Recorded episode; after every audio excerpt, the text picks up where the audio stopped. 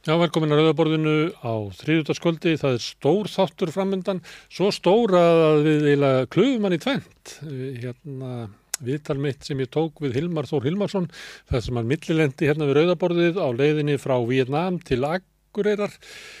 Við setjum það hérna aftast í þáttin og köllum það framlíkingu við Rauðaborðsins. Það ræði ég við Hilmar Þór um Vietnám og Úkrænu, berum að saman svolítið stöðu þessar að tekja landa eða afstöðu þessar að tekja landa í heimsvelda politíkinni þar sem að öll ríki þurfa eiginlega að taka afstöðu með hverjum við standa. Þeir sem eru ekki með okkur eru á mót okkur þetta er þannig umhverfið sem við lifum í. En við tölum líka um vöxt Kína og breytingar á heimspolitíkinni og um úgrænustríðið og kannski afstöðu Evrópu þar sem að Allir verið þurra orðnir herfóringjar og enginn er diplomat lengur, bannað að tala um frið og makarþíismin er að rýsa upp eins og alltaf gerist í koldu stríði. Það sem að þeir sem andmæla stjórnvöldum eru taldir vera málsvarar einhverja anstæðinga út í heimi. Þetta verður hér eftir rauðaborðið í rauðaborðinu framlíkingu með Hilmari Þóru Hilmarsinni. En í þættunum hérna í kvöld að þá hérna eftir smá kynningu að þá ræði við Nínu Helgadóttur sem er teimistjóri hjá Rauðakrossnum um þessa stöðu sem er komin upp varandi hælisleitendur þegar Íslenska ríkið er að henda fólki út á götu og ég veit það að, að þetta verður sleið marga, þetta er náttúrulega gert í okkar nafni og vil að fá Nínu til þess að hugsa með mér hvaða afliðingar þetta hefur fyrir það samfélagið og svo náttúrulega ekki síður það fólk sem lendir í þessu, hvort að þarna verður eitthvað breyting á, hvort að þessi tílugun hafi verið hugsu til enda, hvort að sé þannig að í íslensku samfélagi sé verið að taka ákvarðanum um svona stór mál á þess að fólk sjáu fyrir hvert stefnir. Uh, ég bóðaði það hérna í gær held ég að, að við myndum ræða málefni eftirluna fólks í rauðaborðinu á næstu dögum og vikum og við ætlum að gera það. Ég ætla að tala eftir við Viðar Ekkjarsson um svona hagsmunabaráttu eh, eftirluna fólks, fáum til þess að útskýra fyrir mér á hvað er lögð áhersla, uh, hvernig eftirluna fólk hegi sína baráttu og kannski spáum við í það hvort að að, að eftirluna fólk ætti kannski að íhuga að stopna eigin stjórnmálaflokk eins og viða hefur gæst. Það er til dæmis eftirluna fólk sittur á þingi í Hollandi, svona dæmis þetta ekki. Út af flótamanna málunum sem að snúa svolítið að samvisku okkar, hvers og eins og samvisku samfélagsins, að þá ætla ég að fá hann Pál Baldvin Baldvinsson til að koma hérna og ræða um móttöku flottamanna á árónu fyrir stríð og í stríðinu, flottafólk sem var að flýja þriðja ríki Hitlers sem kom hingað fyrst uh, sósialistar og sósialdemokrater og, og fólk sem var í pólitískri anstöðu við næstaflokkin en síðar mikið af gýðingum. Uh, Íslendingar höfnuðu flestum sem að hér sóttu um hæli, vísaðum í burtu og örlög þess fólks var í mörgum tilfellum þau að þau voru tekin að lífi í útrýmingabúðum næsta. Ég ætla að ræða við Pál Baldunum þessa sögu og kannski spurja hann líka svolítið út í tenginguna við nútíman, hvort að við getum lært eitthvað að sögunni. Það er kannski eitthvað sem við ættum alltaf að vera að spyrja okkur að, hvort við getum eitthvað lært að sögunni, hvort við erum að rifja hann upp til þess að verða betra samfélag og betri manneskjur. Uh, Ég hef sagt það hérna áður að við erum núna í smá átæki á samstöðinni og okkur langar til þess að, að senda þættina út á útarspilgju en uh, þetta er fátakstöð og við hefum gætt okkur að því í þessu uppbyggja tíma sem við hefum verið í að byrja ekki á neinu nefn að við sjáum fyrir endan á því og okkur vantar aðeins fleiri áskrifundu til að, að hafa kjark í því að búa til samstöðin útvarp. Við erum búin að fá eiginlega allt sem að þarf til þess með þess að tíðni, við verðum 89,1 á FM þegar að okkur tekst að sapna sem nefnur 150 áskrifundum. Við erum komin góða leið, ég síðast er ég kíkti og það var í gær, vorum við kominir í kringum 60 áskrifundur, þannig að við munum líklega ná þessu, en við ætlum ekki að byrja fyrir við erum búin að ná þessu. Þannig ef þið viljið fá samstöðuna og útvarp eða ef þið viljið bara styðja samstöðuna í uppbyggingu sinni, þáttættina sem við sendum inn út, frétta við sem við höldum úti, endilega gerist áskrifundur. Þið farið inn á samstöðum.is, það er nappur sem að það sem stendur áskrift, þar getið þið skráðu ykkur fyrir 2000 krónum á mánuði sem er ekki stór penningur með að við efni sem að, að samstöðin eh, framleiðir Eh, þið fáið ekkert meir en annað fólk, annað fólk hefur aðgengið öllu efninu líka en þið verðið hluti af alltíðufélaginu ef þið viljið og það er alltíðufélagi sem á samstöðuna. Samstöðun er fjölmiðl í eigu lesenda, áhörvenda og hlustenda. Endilega hugsið til þess hvort að þið getið stutt uppbyggingu samstöðunar. En hér eftir augnablika þá kemur hún Nína Helgadóttir frá Rauðakrossunum og við ætlum að ræða um stöðuna í flottamannamálum.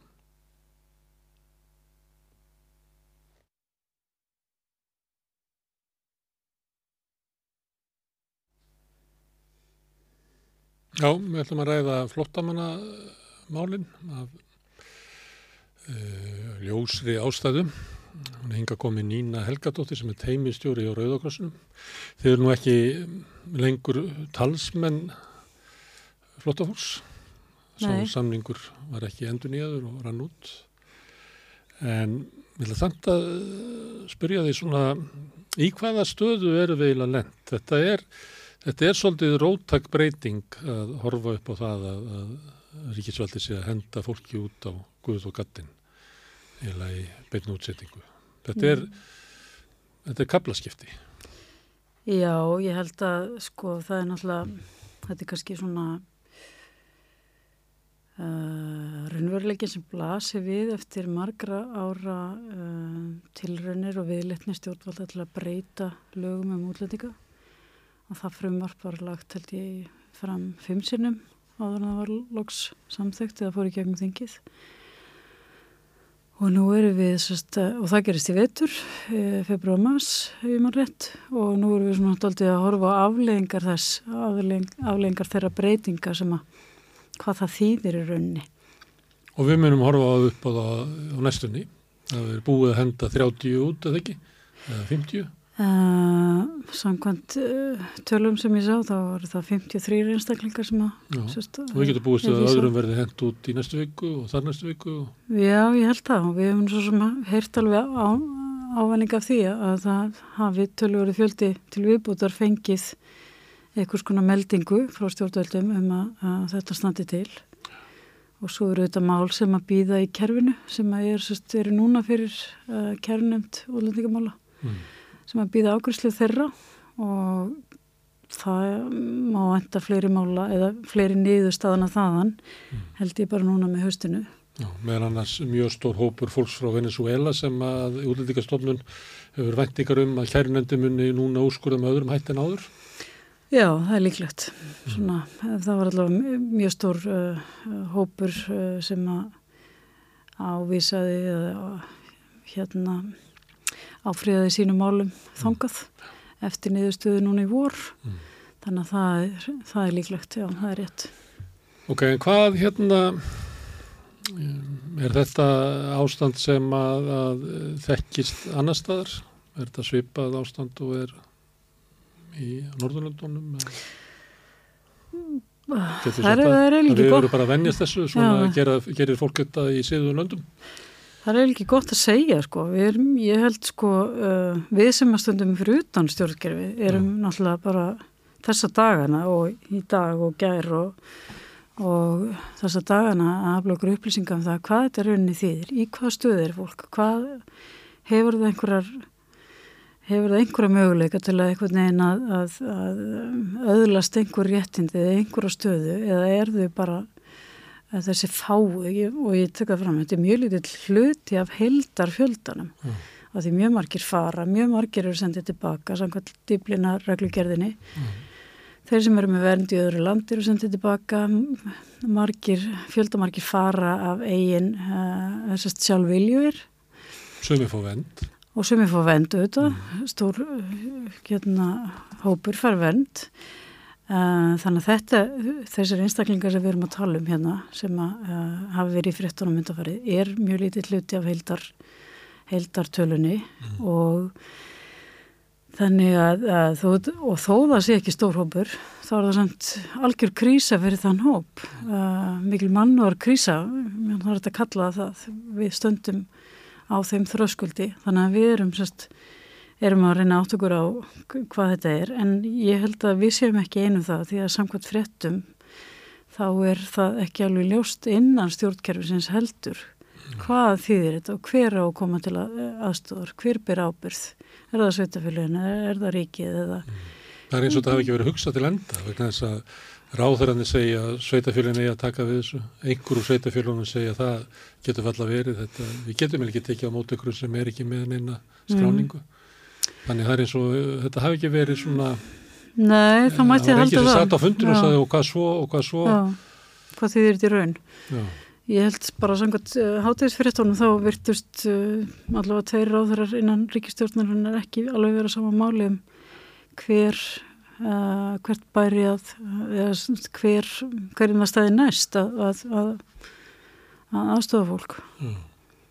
Og hvernig það í rauninni verður í framkvæmt og, og svo frammeðis og frammeðis. Ég, ég held að það sé mjög mörgum, það er mjög mörgum spurningum ósvarað í þessu.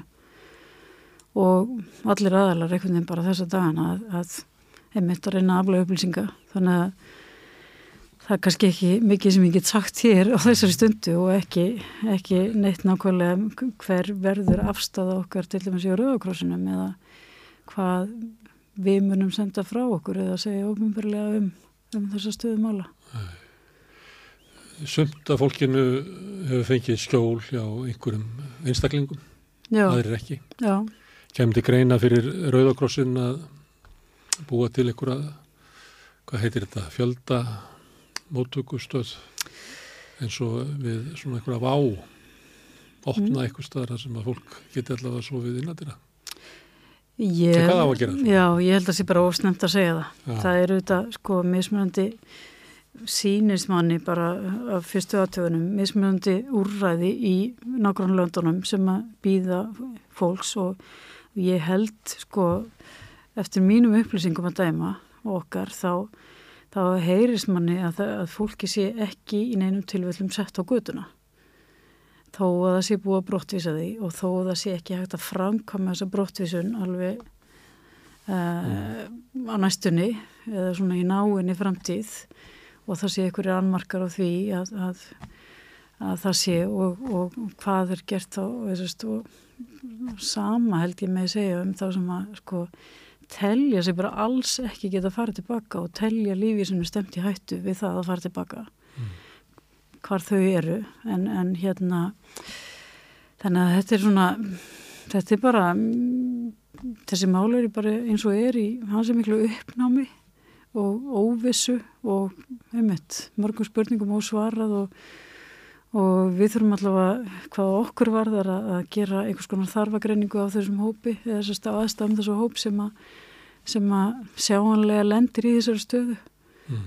Og um, við höfum þetta sjálfsögðu sko miklar áhyggjur af þessu að, að uh, fólki sem vísað sest, frá allir þjónustu sem að eigur náttúrulega hættun á því að fólk fari niðanjarðar er einhvern veginn undir ratarinn og við séum einhvern veginn að stöðla eða Íslands samfélag sem er þessu að stöðla að enn meira við vitum auðvitað að það er ýmislegt svart svartu aðurinstar sem í gangi og, og alls kynns lutur í gangi. Að við sem beilinins að vísa fólki inn í, inn í þá komur að segja undir heima Mm. það sem að til dæmis konur eru í mjög mikil hættu. Mm. uh, þeir sem eru viðkamur stöðu að öðru leiti og eitthvað nátt eru þá í mjög viðkamur hættu og við séum eitthvað neginn um, að mála fólk út í hotn í, sam, í þeim aðstöðum sem þau eru. Það sem þau get ekki afla sér tekna með Já. löglegum hætti, geta raunlega ekki verið hluta í íslensku samfélagi með löglegum hætti. Og verða að finna sér einhvern uh, leið til þess að lifa af í einhverjum undirheimum. Já, og það að einhver, einhver velviljað bjóð, bjóð, bjóði húsnæði er auðvitað stórkoslegt en það getur líka verið aðil, að, aðrir fyrir ekki aðilar sem að bjóðu húsnæði sem að ekki er í velviljaður og, og við þekkjum alveg margar sögur af þannig misnótkun. og sumt af flotta fólkinu sem að vísa út þekkir það að vegin raun. Já, Hvað með að, að það sem við höfum heyrt af, af ástæðanu fyrir því að, að fólkinu var neitað um, um vend, með annars að skilríkin var ekki fullnægjandi, varu Já. vafi um hvort þau varu rétt. Er þetta lögumættar ástæð til þess að neita fólki um vend? Það er alltaf erfitt fyrir okkur sem hjá Rauðakrossum að, tjá okkur um þetta eins og er, af því við erum ekki með upplýsingar frá uh, lögfræðingunum beint eins og við höfðum á meðan þeir voru okkar vegum. Mm. Nú eru þeir uh, á eigin vegum og, og fólk fær sérst útlita lögfræðingi uh, bara eins og hérna sérst eftir, eftir lista sem að hérna gefinir upp af yfirvöldum. Þannig við erum ekki með sko beinar upplýsingar um og svona kannski áraðanlegar upplýsingar um hversu lögumöndar þessar ástæður eru eða hvort þú má draga lögumöndaðir í efa eða, eða mm. hvernig það er. En allavega þá, þá velti við sko náttúrulega fyrir okkur uh, stöðu fólks eins og, eins og þeirra hvenna sem að hafa uh, sagst hafi lett í mannsali að það eru þetta uh, sérlega slæmstaða við getum hugsað okkur að, að sko flestir sem að koma hinga og eru að flota hafa lent í einhverju. Mm. uh, hversu alvarlegt er það það er, það er kannski bara svona steiksmönnur á á milli milli fólks eða tilfella uh, fyrir sig, hvert fyrir sig. En þegar fólk uh, heldur í fram að það hefur lent í mannsali þá þá er það þetta og eins og hefur komið fram hér hjá, hjá framkvæmtastýrum mannreitnarskristofunar að, að það er þetta við hljótum einhvern veginn að þurfa að taka sérstaklega tillitið þeirra. En við gerum það ekki? Nei og ég bara persónulega veldi fyrir mér uh, vitandi það hversu gríðarlega rík sönunabyrði er í kynferðisafbrotamálum almennt, mm. hvort að það eigi ekki bara eins við um, um, um þessi mannsalsmál. Mm. Þannig að konunum séðilega ómúilegt að, að sanna það fyrir úrlendíkastofnun eða kærunemdini. Ég myndi að það væri, væri gríðarlega erfitt fyrir, fyrir þar að færa fram einhver, einhver, einhver gögnum það eða, eða einhvern veginn, sína mm. fram á það. Þannig að auðvitað er þetta flókin mál og, og það er hægt að misnóta kerfi á alla kanta en, en ég held að við verðum bara að taka alveg sérstak tillit til svona mála og, og kafa mönd í bróðum. Við gerum það ekki. Um, okkur verðist það ekki vera allavega. Ég segi alltaf okkur að því að sem við erum gert í okkar nafni, þetta er uh, Íslenska ríki sem er að þessu. Já, mm. já. Og svo hefur fólk mismöndi skoðunar því þetta, hvernig, það, hvernig tiltekst þar. Nei, nei og þessi atbúrarás maður finnur það alveg og heyrir að, að þetta eh, slæri fólk svolítið svona persónlega einmitt af því að þetta er gert svona í okkar nafni. Þetta er okkar ríkisvald sem er að beita uh, þessum aðferðum á bjargalustfólk Já, ég held að það sé alveg rétt að þetta hefur komið alveg gríðilega illa við, við sko þorra almennings að, að mm. hvernig, hvernig þetta er að spila sig fram sko. Og ég held líka bara að þetta hefur verið erfitt uh, þar sé svona hvernig uh, þetta er ekki góð tími. Þú veist, fólk er í sumafrí allir sem er að vinna í þessum máluflokkum er í, í sumafrí eða hafa verið og eru svona rétt að koma tilbaka einhvern veginn átt að segja á þessu. Það þetta hafi einhvern veginn ekki verið skýrar verið búið að binda þessu lausu enda hvernig þetta hafa nákvæmlega að gera og fólk sé allavega í stjórnkerfin eða stjórnsýslinar halvu sammála um það, þetta þýðir þetta og þetta og þetta og þetta er svona svona svona og þetta eru það er hægt að gera þetta eða þessi á að taka við. Uh, ég held að það sé líka bara líka slæmt uh, sérstaklega fyrir fólk sem vinnur við þennan málflokk af því það er gríðalegt álag fyrir. Það er mikið um, um að fólk fari í burnout eða eitthvað svona brenni út og eitthvað nátt það er mikil uh, skipti á fólki inn í þessum máluflokki þannig að þegar þú færið einhvern veginn svona í ofanalag þá verður fólk svona hálf bugað einhvern veginn yfir þessu. Veist, við þurfum einhvern veginn ekki alveg á þessu að halda. Mm. fyrir þetta náttúrulega uh, fólki sjálf sem að sko, þetta bytnar á. Já, já. svo við tölum nú ekki um það. En við spurjum um sko hvort ekki hafi verið hugsað þú hvað svo og hvað svo. En náttúrulega það er náttúrulega möguleiki á því að það hefur bara ekki verið hugsað vegna þess að að þau sem er settu lögin og samstötu þau og þau sem er lögðuð til og sáu fyrir sig framkvæmdir að hafi bara litið á þannig að, að þegar þessi 30 dagur er búnir þá bara hendur fólkin út og bara ekki talið sig þurfa að bera eitthvað ábyrð á því hvað verður um fólkið. Nei, maður náttúrulega veit það ekki alveg hvað var í, hvað, hvernig þetta var eh, fyrir síðu eða hugsað en, en hérna Nei, því að hugsunum var líklega ekki svo að við henduðum út og svo tekur ykkur annar við þeim. Ég held að ég man ekki eftir neittni slíkur umræðu sem bendi til þess að það hefur hugmyndin. Þetta var hugmyndin bara að, að þegar að 30 er búnir, þá er okkar ábyrð á þessu fólki búin og við hendum út. Já, það var endur sko, einhver umræðin um það að félagstjónustan uh, taki við þessu, svo eru svona síðan skiptarskoðunar á því hvort að, að, að það sé þannig, samkvæmt uh, lögunum Uh, einhver hefur nú líka nefnt að þurfti í rauninni bara láta það reyna með, með kæru. Mm. uh, og það er mjög hugsanlega hægt að gera það.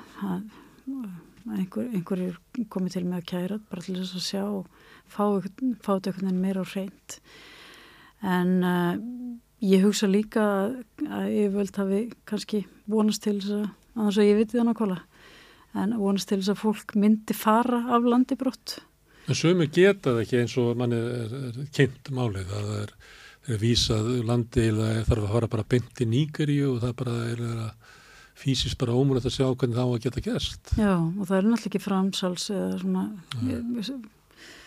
uh, já.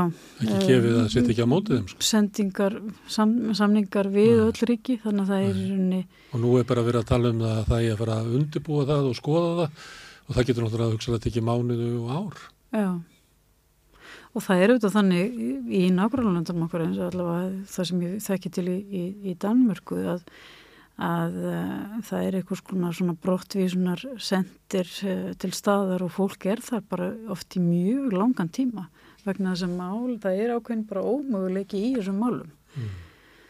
þannig að ef þú ekki getur ef þú ekki, ef það er ekki eftir að senda það tilbaka hvort sem það er sko sjálf vilt fara sjálf viljur eða gegn viljaðinum að þá, ég menna, einhverstað verður fólk að fara, vera, það, það gefur ekki böndin að bara mm. sí svona við þetta, að fá þetta svar. Þannig að manneskjan er til staðar með öll sín mál uh, og allar sína tilfinningar og vanliðan og, og hvað það sem nú er, þarfir. Þannig að við getum ekki einhvern veginn ekki hort fram hjá því og það er það sem við höfum og fleiri samtök auðvitað, sem eru uh, stöndum og, og fylgjast með þessu, þessar þróununa erum að velta fyrir okkur hvað hvernig mun þetta uh, hvernig mun þetta þróast áfram og hvað, hvaða möguleikar eru í stöðunni Þetta frumvar fór til umsagnar hjá mörgum aðlum og það voru margir sem bentu á hættuna Já. vöruðu alþingi við Já. þannig að það er ekki að það segja að þetta hefur komið einhverjum óvart í sjálfum sér Nei, ég held að það sé nú ekki eftir að segja það. það, það ég held að það hafi nú verið sko mjög margar uh, ábendingar og aðtjóðsumtir frá, frá fjöldaðila sem að hafi gefið þetta til kynna að þetta, nákvæmlega þetta myndi gerast. Mm. Og fólk hafið auðvitað áhugir af því sko, fyrirfram. Mm. Þá er það líka þannig að þeir sem tóku ákvörununa, tóku ákvörununa með opinu augun að þetta er því niðurstað. Það verður stjóra. Kanski einhverjir selt sér það að, að einhvern veginn þetta myndi leysast að sjálfum sér einhvern veginn og gufu upp. Mm.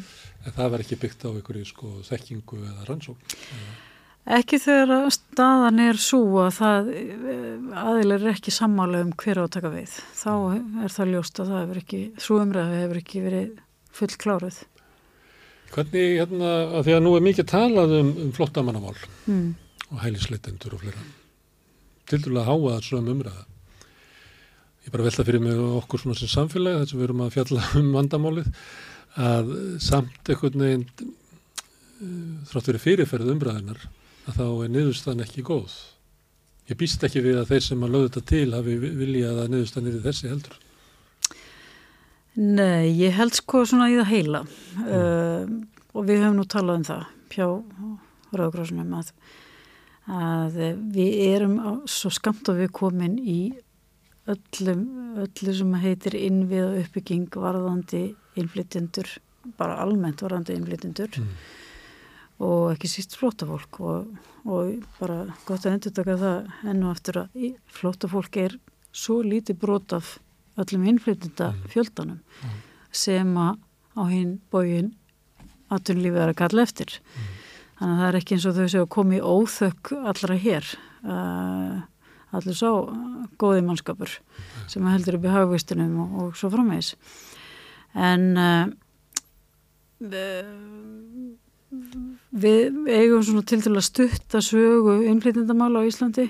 Uh, það eru ekki nema tveir áratýr síðan að hér var í rauninni bara 2% þjóðurinnar var Erlendubergi brotin og nú er samkvæmt nýjastu tölum bara í, í hann hvert ég gerði að dag þá er það að nálgast 18% Já. Og hvern, og, og í, mildtíðinni þetta var hrunið og, og þannig að það svona, tók nokkur skref aftur á bakk þannig að við eigum bara ansett langt í land með þetta. Og það er í fyrsta sem núna sem er verið að undibúa einhvers konar stefnu í málumnum innflytjanda Mm. og þar með tala flóta fólks líka. Þannig að það er, við erum að reikna með að það komi sérst, fram í, uh, í haust einhvers konar fyrsta niðurstaða úr þeirri, þeirri vinnu. Mm. og ég held að við bindum öll mikla voni við það að það verði þá allavega einhver samileg sín á það. Hvernig stöndum við best að mótöku fólks sem að er að verðlandum uppruna með allar þeirra ólíku þarfi sem að eru sest, og, og sem eru með við uh, fólk sem að elst hér upp frá sest, á sína ættingi langt aftur í, aldir og kemur með sín börn og sem að þurfa að fara í skóla og þarf uh, ákveðna þjónustu þetta og það er ákveðið svona skert aðgengi í að þjónustu vegna tungumálsins og, og hvernig kennum við fólki best eh, tungumölu á sem skemmstum tíma og, og allt þetta. Það er svo ótalmart sem að Þannig inn stefnumörkun sem er eiginlega bara svona rammi Já. utanum og það er ekki Já. gefið þóttu fáir þann ramma að það verði sko góð þjónust á öllum sviðum eða kerfi vinnið saman. Við þekkjum það bara úr, úr e, þjónustu við fallaða og fleira þó svo að sé komin einhver svona hugsun í einhverja heldarstefnu Já. þá er bara langt í frá að sko kerfi virki. Það er eitthvað alveg satt, en það er allavega svona, allavega rammin, allavega svona kannski stóri vegvísir en er kannski þá liggur fyrir og við séum uh, sammála um bara hvernig við tölum um þessi mál. Við eigum ekki einu svona almenni hugtök sem allir eru að nota sem, og við erum sammála um að séu réttu hugtökin. Þannig að við skiljum hvort annað. Við erum að meina þetta en ekki hitt. Og þar til að þá eru ákvarðanir teknar af, af lítildir einslu, lítildir þekkingu og þá er má ætla, að... til þess að fólk takja ákvarðanir á þess að hafa hugsa máli til enda og niðurstaðan getur orðin önnur en að það sá fyrir. Já, ég- Sumið þeirra sem tóku þessa ákvarðun. Aðri kannski sá þetta fyrir og vildu hafa þetta svona. Það er ekki gott að segja. Það er þetta er eh, náttúrulega greiðali pólitík og, og hérna, Á hverju er þetta svona mikið, á hverju er þetta svona erfitt mál pólitíst? Spyr ég bara eins og barn. Stór, stórt er spurt sko. Uh, ég held að þetta sé svona bara partur af því hvar, hvar uh, sam ábyrð okkar, að- okkar með öðrum, um, öðru fólki liggur. Hvað samkjönd okkar endar? Já, hvar, hvað erum við tilbúin að, að, að sína mikla ábyrð í verki á líðan annars fólks Já. og það eru þetta svona stórar pólitíska línur í því landslægi bara eins og í, í öðrum félagsmálum og, og Og er ekki bara bundið við flotta fólk, heldur það er misjöft hvar samkjönd fólk endar gott að endi áður en kemur á örgjum eða öldruðum eða láluna fólki eða leyendum eða fátækum eða börnum. Það er mjög ólíkt hvar samkjönd okkar endar.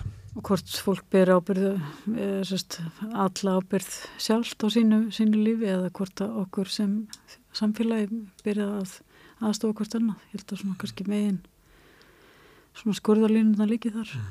Hefur væntingar að þið búin að vinna í þessum hérna, málum? Hefur væntingar um að, að eitthvað að þessum ákvörðunum verði afturkallar, að verði breytt?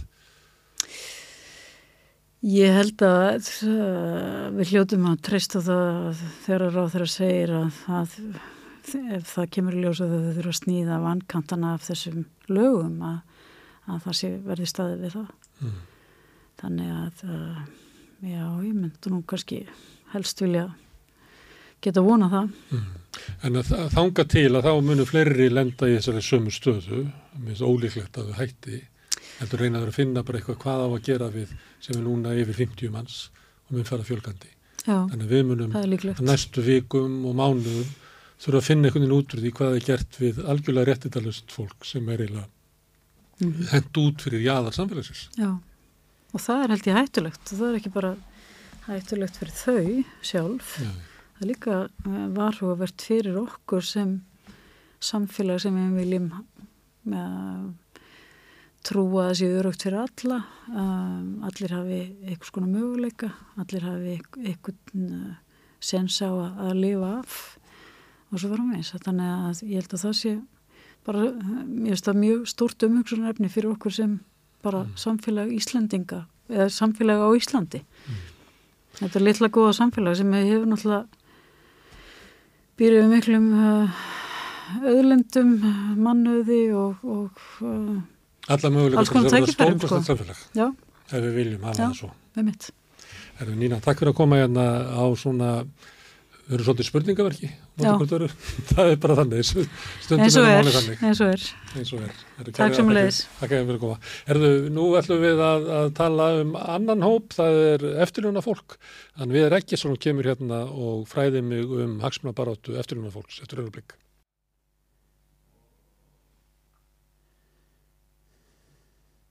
Herðu, já, nú ætlum við að ræða um hagsmunabaróttu eftirluna fólks og ég held að við munum gera það í nokkrum áfengum núna í, við rauðaborðið, svona næstu dögum og vikum og ástæðan er náttúrulega svo að mér langar bara að reyna að skilja um hvað hagsmunabaráttan snýst, hverjir eru áherslunar sem að, að þau sem eru að berjast fyrir hagsmunum eftirlunum fólks leggja í barátuna, hver er vandin, hvert viljóði stefna.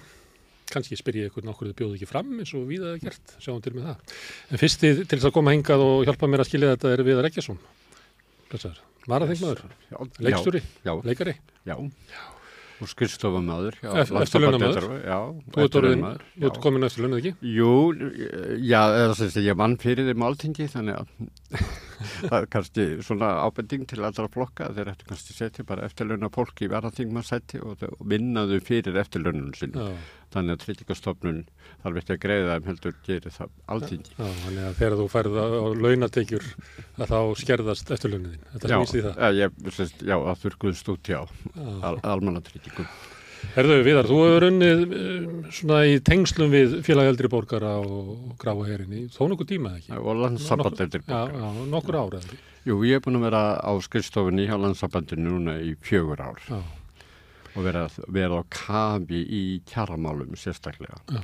Herðu, um hvað snýst þessi borða? Hún snýst um að fólk geti lifa mannsamændi lífi þegar það er komið yfir ár.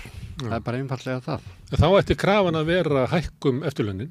Já, já, hún er það. Hún er bæði hjá landsambandinu og hjá mér. Þó að ég sé að vinna hjá landsambandinu þá er ég ekki stjórnamaður Nei, en ég er sem sett svona fylgja eftir því sem þeir eru að gera og ég fylgjast með hvað þau gera. Og það er eitt af markmiðunum bæði hjá mér og eins hjá landsambandinu að það er að grípa þá sem eru versettir og það eru ótrúlega margir illa settir af eldri borgurum.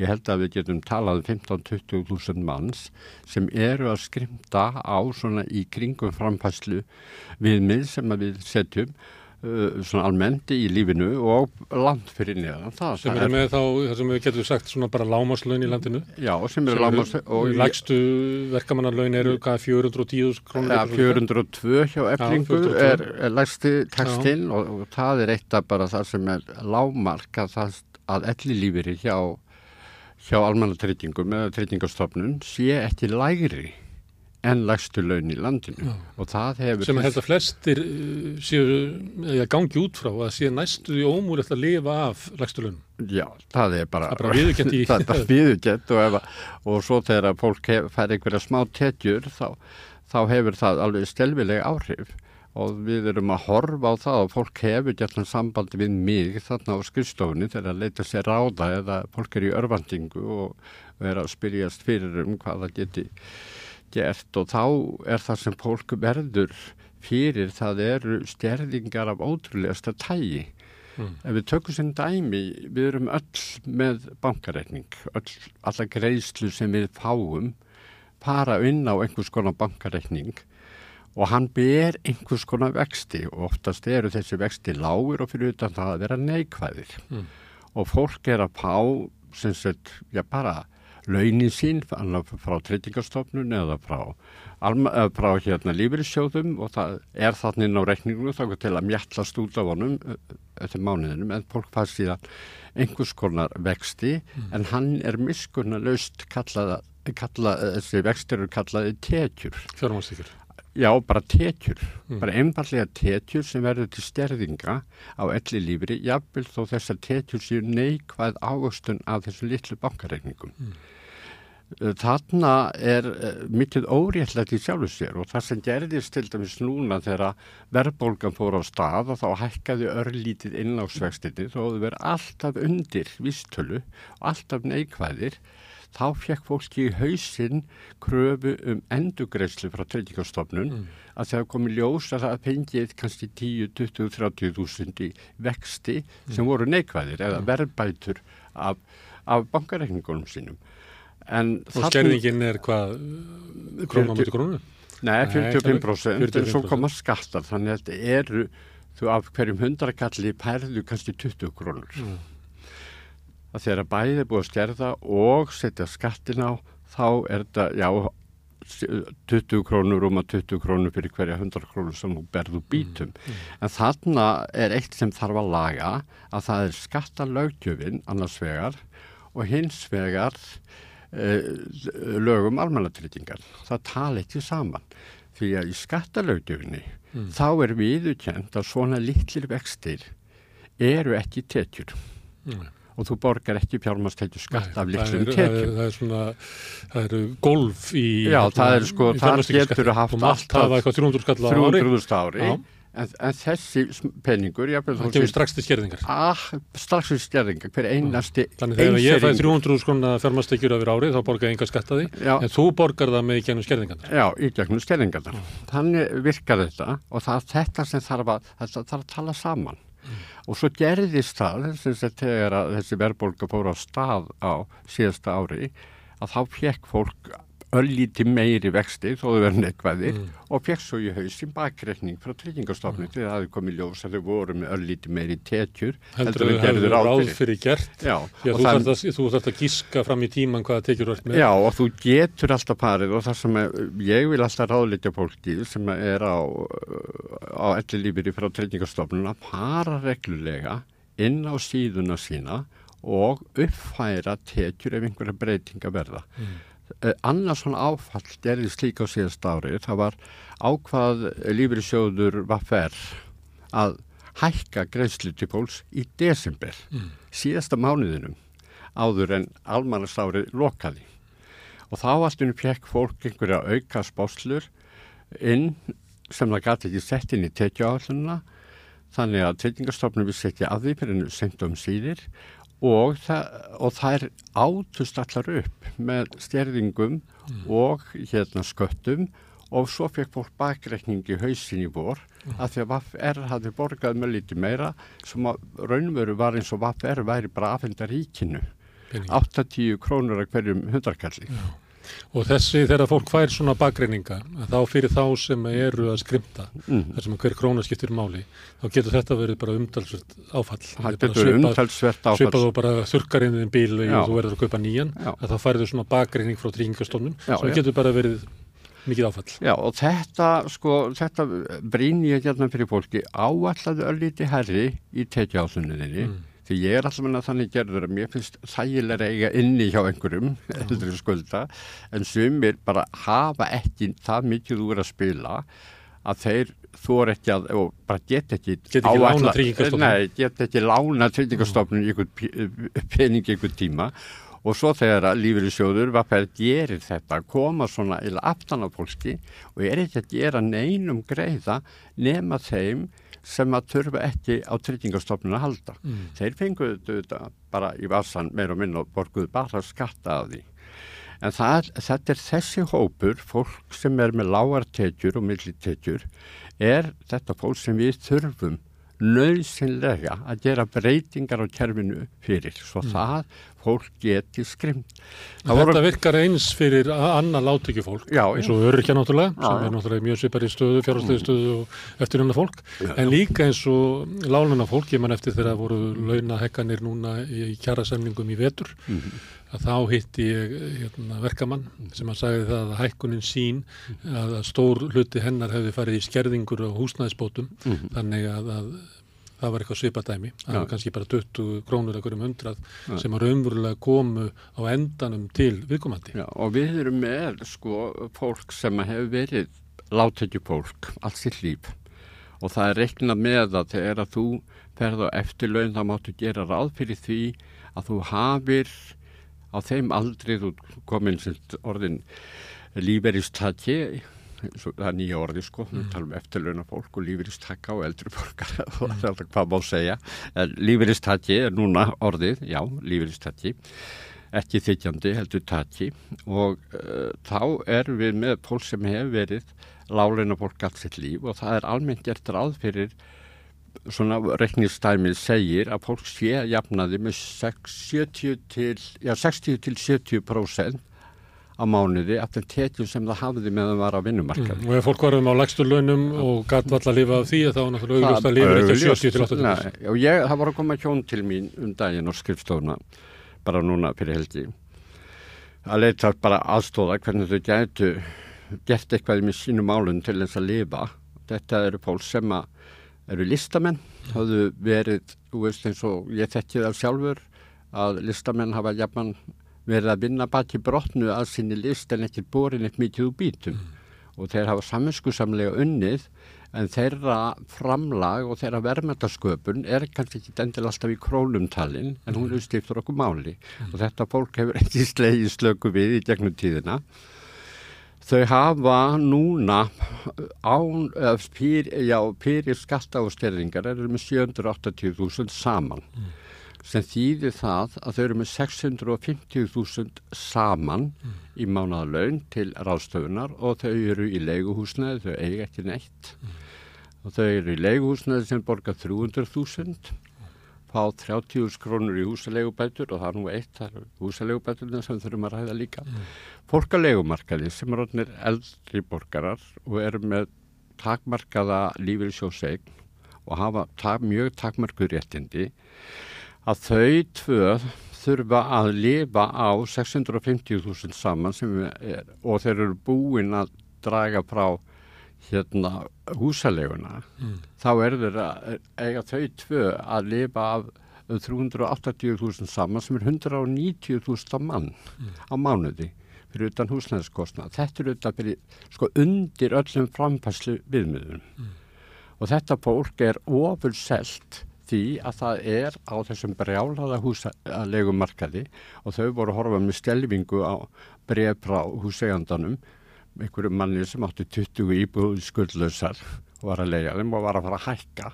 Því að staðan er þannig á húsalegumarkaði eins og við þekkjum að það er bara skotleifi á leyendur láleina fólk sérstaklega sem að hefur, getur ekki gert neitt til að bregðast við þessum hækkunum og okri sem er að koma fram á húsalegumarkaðinum og það er eldra fólk sem er í þessari stöðu, láleina fólk og það er bara, sko, ég ágætt kona sem kom til mín einu sinni og var líka á legumarkaði og var einn og hún sagði bara, ég get ekki hægt að vinna, ég er að vinna hjá hennu ofinbera og verða hægt að sjötug en ég bara, ég bara get ekki hægt, ég verða að vinna og vinna og hún, þetta var fyrir nokkrum árum, hún er 76 ári í dag og hún bara er eins og útspýtt hundstin að leita sér einhverju verkefnu til að fá laun. Þú segir að það sé svona 20.000 manns sem að búi svona við hérna Kröppkjör. kröppkjör Já, og alveg frá því að bara rétt ná endur saman, saman yfir það sem er eiginlega ómúlegt að ná endur saman nema að Já, eða sem, sér um eitthvað Já, um læknishjálp um já, ef að eitthvað kemur upp á, Já. þú ert kannski í húsnæði og það brotnar út í dyrrahörðin, Mm. það hefur ekki efnaðu lagana. Það brotnar tönn, þú hefur ekki efni á því. Það má ekkert út að bregða. Þú, þú siglir kannski svona nokkuð líkna sjó ef ekki kemur upp á. Mm. Þannig ef ég tel það fólk með, með þeim sem að hafa það verulega slæmt, þá vil ég meina að það séu upp undir 20.000 manns af 67 ára eldri sem að búa við þessi kjör. Við verðum líka að skoða það. Þegar að þessi lög sem núna eru um almannatryggingar sem tóku gildi 1. janúar 1917 þá miðuðu þau við hvernig þið yrði eftir 15-20 ár þá væri komin kynnslóð sem hefði safnað miklu meiri lífur í sjósa réttindum. En gleymir því að það er að koma fólk inn sem hefur ekki þessi réttindi og fyrir er stór hópur fólks fyrir sem hefur aldrei unnið þessi réttindi. Þannig að við getum ekki hort fram hjá því að þetta fólk er á lífi Já. og það er ekki að fara að deyja Við yfir að strax. hvaða fólk þetta er svo að hérna, hlustendur skilji það. Það er náttúrulega eh, stór hópur uh, kvenna sem að hafa ekki verið með fulla þáttöku á, á, Á vinnumarkaði vegna barnegna já. og heimilis uh, hérna, Já, já. uh, ættingja sinna og barna. Það er fólk sem að hefur á einhverjum ástæðum verið stópult á vinnumarkaði, til dæmis uh, eins og listafólk. Já, hef- hefur verið á vinnumarkaði en Já, hefur ekki, ekki afla á- launa. Ekki sem að tikkar inn sko, laun, nei, og tekkar ekki lífeyrisgreðsli. Síðan er það fólk sem er á lægstu laununum Já. sem að getur ekki náð lífeyrisréttundu sem að ná upp í. Nei, og, og er kannski fólk sem að pór aldrei inn á almenni lífeyrisettindi fyrir bara síðustu ár uh, starfsæfinar. Já. Og svo er það náttúrulega líka fólk sem er núna á fá lífeyri þar sem að eftirvinna var ekki tekin inn. Já, já. Það var, uh, hérna, ég held að það ekki verið fyrir að byrja eftir 1980 Já, svo hörfu lífeyrissjóði líka. en svo hörfur og þeir töpuðust. upp. Já, þeir eru gjaldþróta eða einhver hirti þá. En það eru bara ýmsar ástæðu fyrir því ástæður. að, að þegar að fólk, að, að lífeyrissjóðunir bæta ekki upp eða, eða útvega fólki ekki kjör. Mm. Og það er uh, 20.000 manns. Já, og ég vil fara yfir þetta sko, Já. fyrir þá sem vest eru stattir, þá er, eru ímins úrræði. Við getum líka beitt skattkerfinu. Mm. Við getum hjálpa fólki með skattkerfinu, með réttlátari skattalögju. Núna er þetta skattpindasta fólkið er láluna fólk, Mm. samkvæmt því sem ríkistjóttin hefur verið að gera á síðustu árum. Og þá við út af skerðingunum? Nei, bara skatt, uh, það er lár persónuafsláttur. Já. Það er þetta að hækka persónuafslátt, Já. sérstaklega þeirra sem eru lálaunaðir. Það átt að vísa til þess að, að, að þegar staðgræslan var tekin upp að þá voru legstu laun á vinnumarkaði, þá var það skatt frjáls laun. Mm. Já, við vorum skattfrjáls. Já, en núna er fólk að borga og- og- 50-60 skall af Já, legstu laun. og, og þessi persónuafsláttur hefur ekki tækkað í neinu samræmi Nei, við annað. Þannig að við getum hækkað, við getum eins og gert sértæk uh, viðbröð fyrir þetta fólk sem er illa stað Mm. og viðurkendana hóp, hóst í augu við vandamál alls og við getum haft sérstætt skattrepp ef við viljum láta þau borga skatta, við getum líka hækka persónuafsláttin á móti og þetta getur verið sértækar aðgerði fyrir láluna fólk sem að mér finnst eiginlega bara verður að gera. já, að það sé óverjandi að sk leggja skatt á fólk sem á ekki fyrir mat út mánuðin. Já, og það sé allavega sko, það málamyndar skattur mestalagi að þú setjum þáttakald í samfélaginu en þú ætti ekki að bera upp í samfélagið, fátaklingar eigi ekki að bera upp í samfélagið með óhófleiri skattpíningu. Og það má líka minn, minka stjerðingar á lífið í sjóskriðslum öðrum tekjum af fólki sem er undir þessum viðmiðunum sem við tölum um að það er alveg óþarfi að stella á þessum stjerðingum að fullu með þessum litlu tekjumörkum sem núna eru. Já.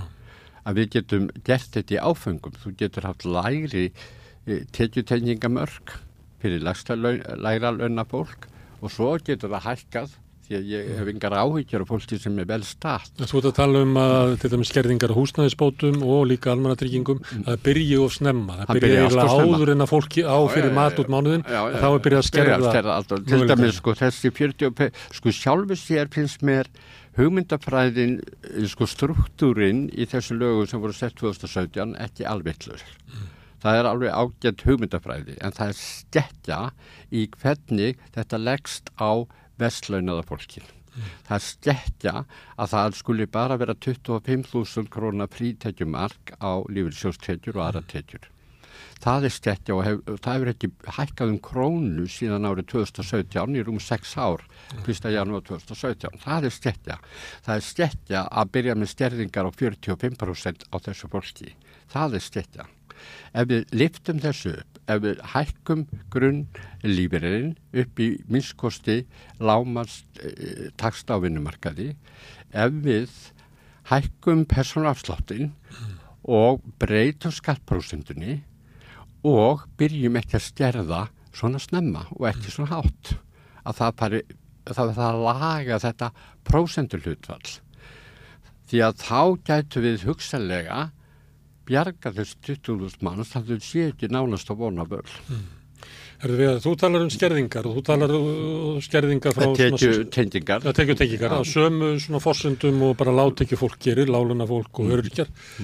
En það sem er mest ábyrjandi í umræðinni varðandi kjör uh, eftirlunum fólks eru skerðingar þar sem að fólk er að uh, vill raunverulega hafna því að ríkið hafi heimildir til þess að skerða eftirlunin Já, út af öðrum tekjum. Að það hafi verið þannig að lífriðsjóstekjur hafi átt að bætast við Já, já, eru- ellilífurinn og það sé eiginlega eignaréttar legt uh, atriði já að er að fá óskert en ellilífur úr tryggingastofnun sama hvað eru með háa leifriðstegur. Já, býtu aðeins. Þarna eru fleiri fleitra málinu. Já. Við getum auðvitað horfið til þess tíma fyrir löngu síðan þegar að ellilífyrir var bara 20% að lægstu launum. Þá er þetta að tala um 80 krónur. Þetta fer allt eftir hver ellilífyrin er. Við getum auðvitað gefið, sagt, ok, við skulum allir bá 15.000 krónur í ellilífyri. Og hvað gerir svo með þá sem eru illa stattir? Þannig að ég, mér finnst þetta, veist, það þarf að skoða þetta í samhengi. En þetta er samt krafa Já. Já. þinna reyfingar. Nei, í sjálfum sér Já. ekki, nei. Nei. Ég er, sagt, ég er að lesa hérna, ég er með fyrir fram að mig hérna tímarið sem að landsafnir eldri borgari gaf út í mæ síðastlið Já. og þetta sem ég hef verið að tala fyrir Já. er nákvæmlega þar. Þetta er fyrir þá vestsettu, sértakar aðgerðir fyrir þá vestsettu. Mm. Síðan er hópu sem heitir Grái herin Já. og þau hafa viljað sem leggja áherslu á það að spyrja þeirra spurninga hversu langt getur ríkið seilst eftir uppsöfnuðum uh, líferi og líferisjóði. Já. Og þau hafa ekkert endilega talað fyrir því að sé algjörlega tekju, að sé ynga tekjutengingar heldur bara þetta grunnatriði hversu langt má seilast í vansa eldri borgara vegna þess að þeir eiga lífeyrissjóð. Hversu má, mikið má stjerða. Að því að þessar stjerðingar hafa virkað svo óréttlátar sérstaklega fyrir lægra sett fólk eða lágtekjufólk og lægra millitekjufólk að því að þær hafa komið svo grimmilega þar inn. Mér finnst þetta að vera sikkert málið, eins og þú kynntir þetta áðan. Já, já. Það er bara klassísk hérna, hagsmunagæsla fyrir lágtekju fólk. fyrir, En fólk hitt- og bara venjulegt fólk en hitt er svona eignaréttar hérna, Já, svo er hitt bara eignaréttar spurning Já. sem er bara heimsbyggileg spurning líka bara, Já. þú veist, hva, hvernig er þetta og, og þá ef ég prófa og segi stundu fólk, já, ok, eigum þá hafa allir lífinu bara 20.000 eða 30.000 og allir pái hann Mm. og allir þá gladir ég held að fæstir eru gladir með það. En það er líka, og svo er hinn leiðin að allir pái einhverja smáspáslu en þá eru komin í gamla kerfi þar sem hafa grunnlífirir og svo voru ymsar uppætur ofan á það. Já, og það er í- sveipaðu er hjá öryrkjum í dag og er ósalega mikið völundar hús Já. en flóknar fólki finnst þetta kerfi í dag flókið, mér finnst það kannski ekki að því ég er svo mikið búin að skoða það og vinna með það og veit það ráðgjöf í kringu það. En þetta kerfi eins og hafi verið hjá öryrkjum þar sem að sumstaðar er krónumóti krónustyrðingu og sumstaðar er þetta og sumstaðar hitt. Mér finnst betra að kerfi sé einfaldara það sé réttlátara og þá réttlátt segja margir hvað er réttlátt? Réttlátt út frá sjónarhóli þeirra sem hafa lítið úr bítum það finnst mér réttlæti. Uh, ég lendi í, í umræði í sjónvarsal fyrir nokkrum árum uh, þar sem ég held að verið 2017-18 stóru umræði þáttur á, á Rúf um Þjóðfundur í svo það hætti Stefán Sjónshaftin. Já, þetta var svolítið þannig. Á hérna eh, bara heilt kvöld eða mætti vera oftar en þarna var ég sem fulltrúi eldri borgara einn af þeim, það voru fleiri ég og, og svo var þarna alþingismenn eins og frá sjálfstæðisflokknum Óli Björn Kárasson sem barði alltaf í hausina á okkur sem vorum eitthvað að, tala um betri kjör fyrir eldri borgar og minni stjerðingar og, og hérna og betri bara líferi að berja okkur alltaf í hausin með þessu miljónafólki. Við erum nú að passa að miljónafólki fengir nú ekki svo og svo Já. Þorsteinn Már Baldvinsson var ekki að fá eh, Já, hann væri ekki að fá, já, já. Og jú, jú, auðvitað er engin ástæð til að miljóna fólki fái, en pólitík sem er rekin á þeim fósendum að til þess að miljóna fólki fá ekki þá þarf að halda öllum hinum 90 eitthvað prósent eldri borgar niðri þá segir ég ok, mér er alveg saman þó nokkri miljónagaurar fá einhverja krónur svo framalega sem get losað meiri hlutan úr viðjum fátæktar mm. þá ok, og ef þeir hafa geðið sér til að taka við þessu þá get ég alveg bara hýjað á það á torkum sko því að þú þarf að sækja um ellilífiri En er ekki þarna að... Þú þarf að sækja um ellilífiri og ef mm. miljónar fólki er að sækja um ellilífiri mm. þá bara segja hvers konar auðmingjar mm. eru þetta að vera að sækja um ellilífiri þetta er svo veist eh, þingmenn sem eru kannski komnir á eftirleina aldur og eru með um einu og halva miljóna mánuði mm. þeir þurfu ekki 80.000 krónur ellilífið. Nei, þeir fá hann heldur ekki, ég held að hann þurkist út eða ekki. Nei, ég er að segja ef þessu verið breytt og allir er að pá, sko, þá er ég þeirra að fá líka. Ok, en eru við þá ekki þarna komið með sko tvennskonar kerfi og það er, er hugsun í bakvið almannatryggingarnar var það að allir fengið það sama en svo mm. var það fjármagnað af skattgreislum sem að væru þannig að þeir sem að varu með hæstu tekjurna borguðu mest. Já, Þess vegna ja, væri allt í lægi að miljónamæðurinn fengi eftirlaunin af því að hann hefði borgað sko markvallt að í gegnum skattin. Mm. Síðan hefur sko skattstígin verið sko flattur út, mm -hmm. það hefur lækkaði skattar á einum allra tekjuhæstur, hæstum með því að atun, hafa öðruvísi skattlagningu á fjármastekjum. Já og fólk sem hefur aðstöðu til að, að vera ekki með tekjuskatt. Þar fyrir utan. En hafi verið hækkaðar hérna, hækkaðu skattur á þeir sem eru með legstu tekjunar og þar með náttúrulega fara raunverulega forsutundar frá mm. að allir fái það sama út. Akkurat, og akkur eiga allir að fá það sama út? Spyr ég, Já. akkur eiga ekki að fá þeir meira sem þurfa á því að halda? Já Akkur, akkur á eiga milljarmæringar sem að valla að telja fram til skassum með vinnungunúsfæra að pá mm. endilega svo mikið. Ég ætti að spyrja þig, þú ert hérna þingi fyrir samfélginguna sem að það sem alþjóðflokkurinn er innandýra og var, þetta var draumur þeirra sem að börðust fyrir almannatekkingakerfinu að það væri sérst að þeir borguðu inn eftir getu mm. en allir fengið það sama út. Já, já. Sem allir... er svolítið öðruvísi kerfi heldur en lífyrirsjóð og kerfið hefur orðið. Já. Það sem að það er stjætt munurinn sem er á vinnumarkaði er framlengtur alveg fram að gröfinar. Já, fram að gröfinni. Hvað finnst þér með það? Að, að, hérna, nú, við erum með svona þessar tvær hugsun, hugsunir.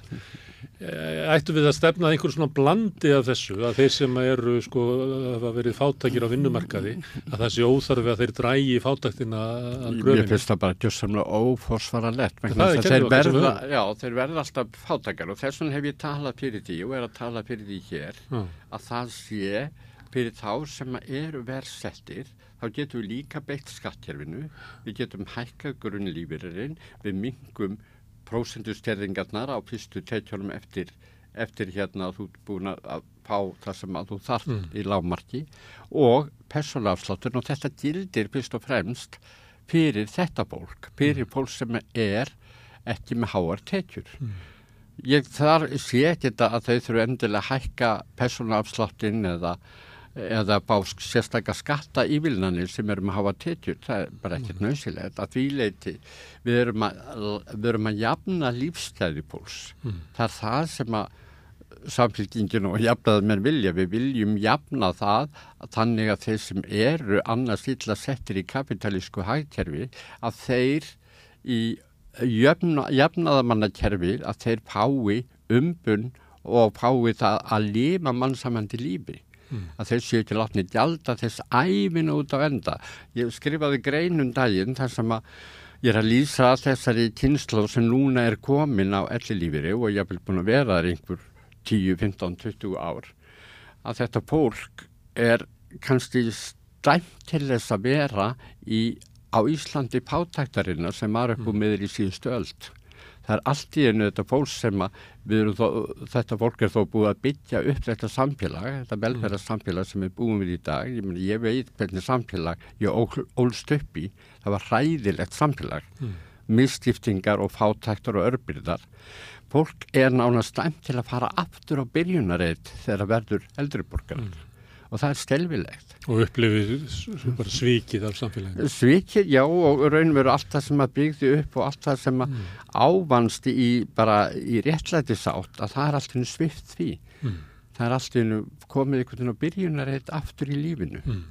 Herðu, hagsmunabaráta eftirluna fólks er jáft mikilvæg og hagsmunabaráta bara verkafólks, leyenda, og leyenda og fleira og það er mjög mikilvægt að séu öflug hagsmunabaráta hjá eftirluna fólki. Þa, það er mjög mikilvægt og, og það var gerð skoðanakunni og þú myndist á það hérna í framhjálpi, ég man ekki gott að kamera var komin í gang að stopna hérna sérstaklega stjórnmálaflokk, ég man fyrir nokkrum árum þá létt landsabandi gera svona skoðanakunnun um svona möguleika á því hvort að slíkt frambóð myndi svona stíla einhverju inn sem svona einhverju þingstyrk eða allavega inn á þing einhverjum og, og þá held ég að nú verið átjættum aður sem að ég sendi úslít þessar skoðanakornuna því ég kann svo lítið að lesa svona flokna talna runur sem kom át úr þessu.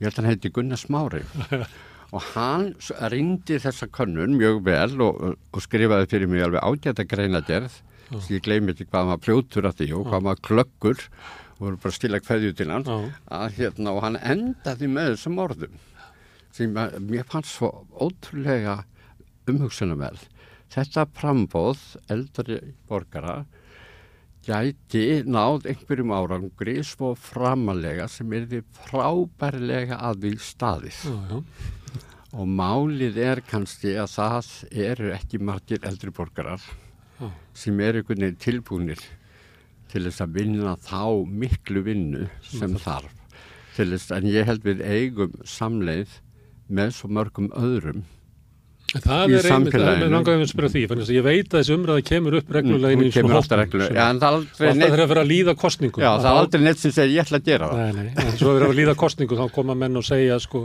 er ekki bara best að hvert okkar fari inn í sinnflokk og vinni okkar málunum fylgst. Ja, meðan að enginn engin er tilbúin til þess að letjast á áratnar og stopna mm. svona flokk. En manni finnst sko eins og að árangurinn sé ekki í takt við þörfina, mm. ekki í takt við fjölda hérna, eftirluna fólks. Þá finnst mér að, að þið, ef ég má uh, tala þannig, séu hópu sem eru svona eiginlega uh, undir hérna, það er ofn lítil tillit tekið til ykkar. Já ég er alveg saman á því að það má taka miklu meira tillit til okkar. Það er bara upp á fjöldan sko. Já, upp á fjöldan, en við skulum líka horfa á það sko, ég held ég að við lesið einmitt grein eftir þjóndaginn, það er svo gaman að vitni þig. að þá sem að þú varst að skoða svona aldurstiptinguna á alþingi, miða við sko aldurstiptinguna í samfélaginu, þeir sem eru á kostningaldri og hvernig svona hlutfall er á milli kjósenda ákveðnum aldri versus þeirra sem er á þingi mm.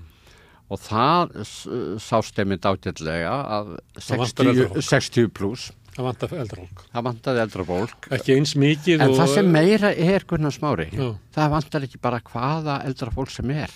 Mm. Við erum með eldrafólk á þingi sem eru engan áhuga á þessu málum. Nei, nei. Engan áhuga á þessu málum. Okkur vantar eldrafólk sem brennur fyrir Já. þessum málum og sér líka hlutin aðeins víðra sammingi, horfir ekki bara á þessa týnslóð því að mér, mér finnst ekki réttlættalegt að fólk sé í fátakt þó þessi yngra en eftirlönu fólk. Við þurfum að horfa á fólk sem er í þeirri stöðu, hvort sem það er eldri borgarar eða aðrir. Mm. Það er mjög mikilvægt og ég vil sjá ef að per eldra fólkin á ting að það hafi áhuga að berjast fyrir því að fólk sé ekki á þessum stað í lífinu sem við höfum verið að pjallum hér á hvaða aldrei sem það er. Mm.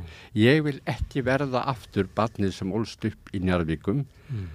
á, hjá einstæðri móður. Ég vil ekki að neitt fari í þau kjör á efri árum og enginn búið þau kjör heldur sem barn í dag. Mm. Varðandi þessa hagsmunabartu, að uh, ég ger þetta reglulega þetta með aldurskiptingur á þingi mm -hmm. en þess að uh, ég, maður heyri það svona í samfélaginu að það vantir meira ungt fólk á þing og eitthvað flera mm -hmm. og, og þess vegna ger ég þetta reglulega. Þess vegna kemur í ljós að það vantar líka eldra fólk á þing. Það að vantar bara gott fólk á þing. vantar það, það vantar, ég held að það sé betra að þingið endur spekla einhverju leiti. Já, já.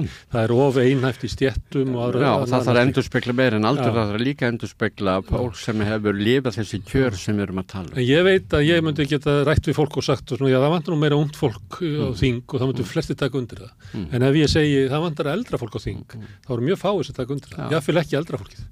Það er nefnilega svolítið merkilegt og það er það sem kannski kemur þá aftur að þessu flokki eldri borgara. Já, Er, það er nefnilega ekki dvíst að eldri borgara kjósi slíka flokk. ekki frekar að verka fólk. Nei.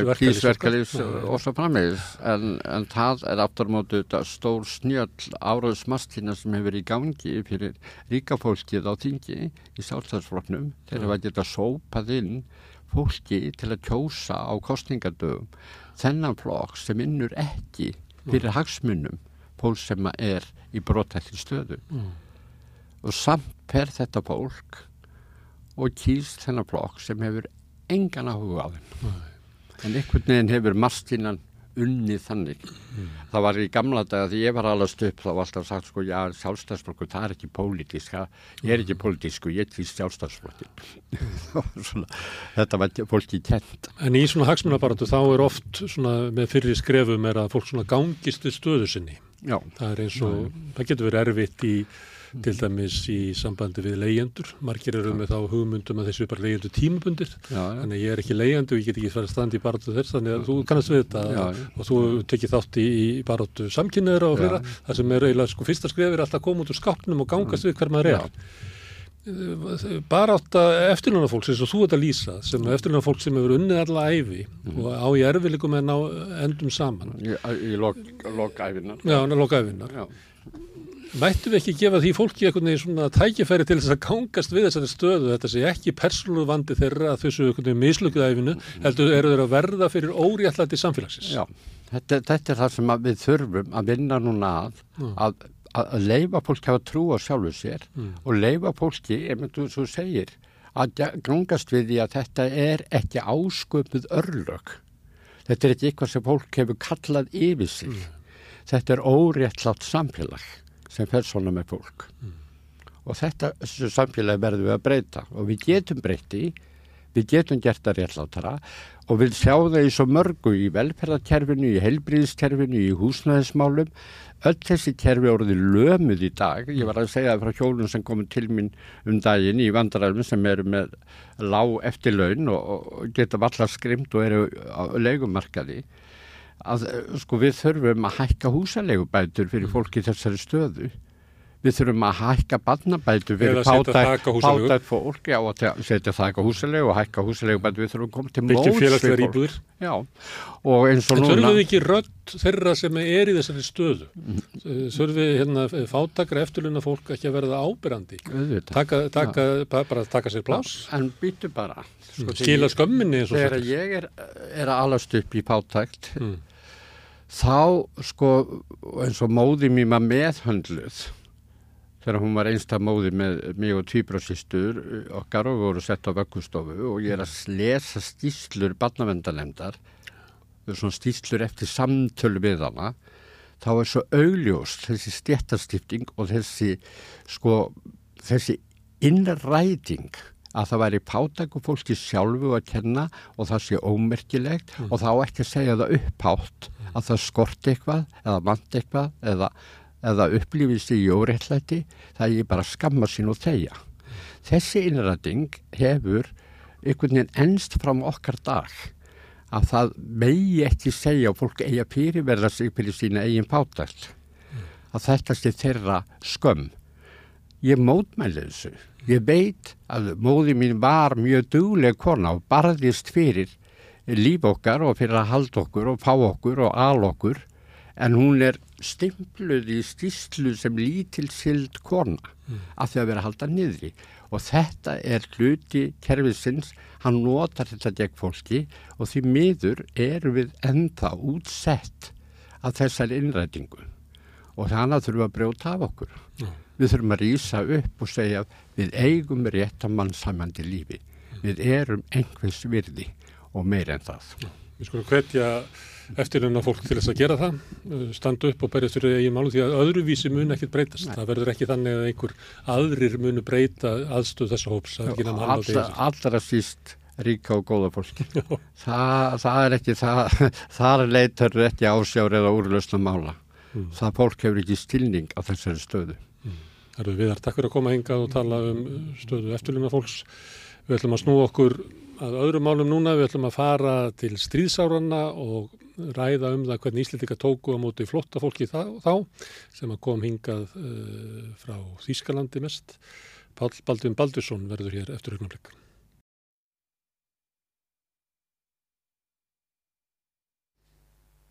Já, við höldum að frá að tala um flottamannamál hér við Rauðaborðið, en það er þetta stór mál og mikilvæg mál. Við munum verða það lengi og hafa verið lengi og þegar að samfélag hérna, velta fyrir sér stóru málum til þess að taka afstöðu um stefnuna og hvernig það hegða sér, þá er oft hort til sögunar og Pál Baldvin Baldvinsson hefur skrifað sögu um stríðsárin á Íslandi og þar meðal annars kemur fram frásögna því hvernig Íslandika tóku á móti flotta fólki í seti heimströldinni, fyrst og fremst kannski geðingum sem að hinga voru að leita að skjóli og vend en fengu ekki í, að fengu í festum tilfellum.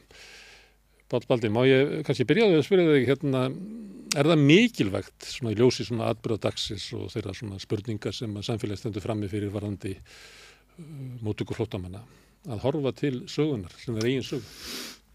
Já, það er mjög mikilvægt. Það er mjög mikilvægt að við gerum okkur grein fyrir því að, að uh, uppaflegi flutningurinn hingað norður á þessu óbyggðu eigu og hann byggðist náttúrulega af, af fólki úr ymsum samfélögum af eigunum í uh, Írlandi sérstaklega á ákveðnum svæðum í, á Englandi og Noregi Mm. og jafnvel Svíþjóð Það er ástæða Og- fyrir að Ísland er sérstök menning Já, við erum samsett eins, eins og Jón Múli saði við konuna sem spurði hvers vegna við ættum að hlusta á innfluttan jazz. Og Jón svaraði bara því að við erum nú öll innflytjendur. Og það er uh, má segja það að, að uh, okkur uh, við setjum okkur mótið svo þröngt. Mm. Vegna þess að það hendar skamtíma hagsmunum þeirra sem stjórna umræðunni að horfa á mjög þröng, þröng tímabil. Við verðum til dæmis að horfast í augu við það að það eru uh, á síðmiðöldum og eftir 1500 að þá eru, er mjög mikið af útlendingum hérna.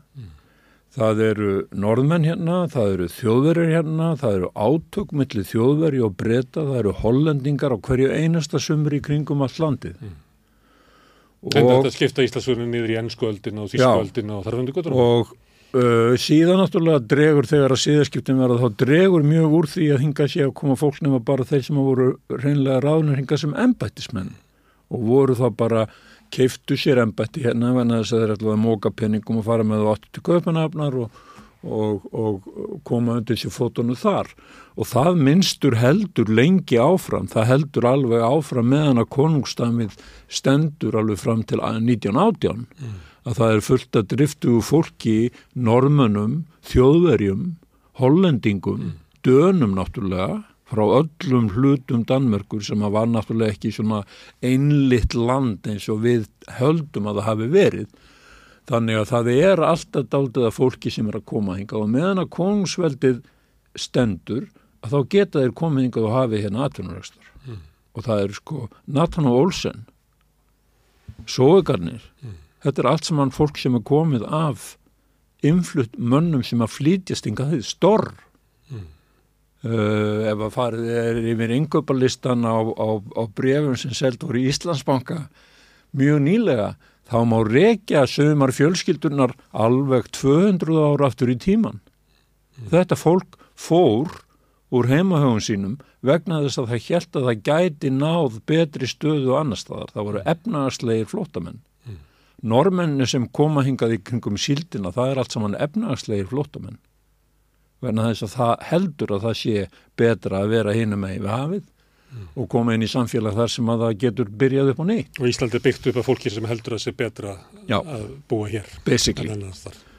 Og svo víkur ö, sögunni að sko það verða alveg gríðarlegar á 19. öldunni fyrir hluta 19. aldar, það verða alveg gríðarlega átök í Európu. Og við erum meiri sé að, og við höldum alltaf að, að sko frétta miðlun á fyrri helmingi eh, 20. aldarinnar að hún hafi verið rosalega slögg en hún var það ekki.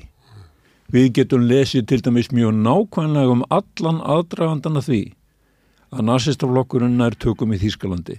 Við getum lesið í næstum öllum blöðum dagleg, dagleg fréttaskeiti frá Evrópu um það hvernig það er þrengt að gýðingum á Þýskamálsvæðinu öllu og hvernig hægt og rólega þeir eru sviftir borgarlegum réttundum og nazistaflokkurinn náttúrulega þegar hann fer á stað eftir sinn svo kallaða sigur að þá ræðst hann fyrst af öllu á verkarisefinguna og náttúrulega sósjalista. Þannig að fyrstu flóttamennin sem fara að reyna að komast til Íslands fyrir stríðsbyrjun og setna stríði, það eru kommunistar, kratar og aðeins í bland gýðingar en fyrst og fremst fyrsti hópurinn sem kemur hingað og leitar hérna skjóls, hann kemur aðalagi gegnum Danmörku og hann kemur hingað fyrst og fremst fyrir atbeina sósildemokrata og sósilista í. Mm. Þannig þess að þeir hafa beinan aðgang að uh, kerfinu, stáning er fórsetisráðra og það eru meiri sig að koma hingað með meðmælabref frá Danmörku, koma menn með uppáskrift frá sko fórsetað danska þingsins. Menn sem að hafa hafa þannig pólitísk tengsla þegar geta farið og grátbyðið einhvernum að senda þess að það er, landið er í rauninni lokað. Mm.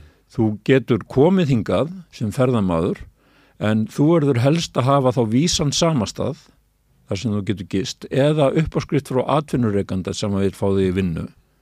Eftirlitið er ekki strangt fyrir stríð þannig að hingað er að koma menn og leita sumir hverjir til einhverja sem þeir kannast við eða þekkja sem sem segja við að myrðu, ég get komið þér í vist hjá bónd upp í borgarfyrði mm.